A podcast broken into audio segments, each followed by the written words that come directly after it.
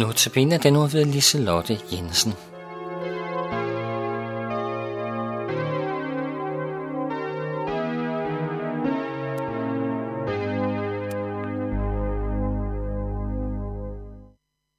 Du kender måske den gamle historie om spørgejørn.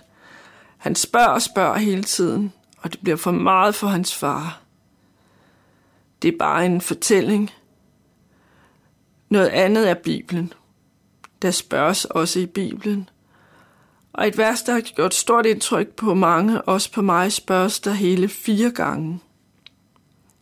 Jeg læser fra Romerbrevet kapitel 10, vers 12. Der er ingen forskel på jøder og grækere. Alle har den samme herre. Rig nok for alle, som påkalder ham. For enhver, som påkalder Herrens navn, skal frelses. Så kommer spørgsmålene.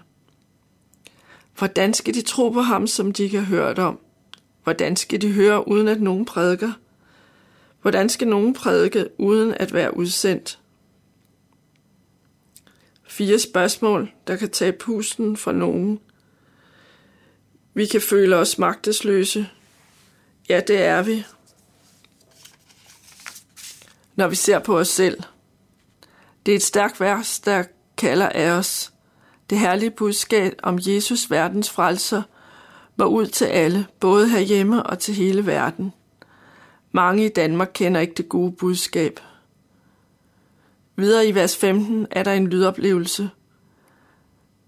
Hvor herligt lyder fodtrin af dem, der bringer godt budskab.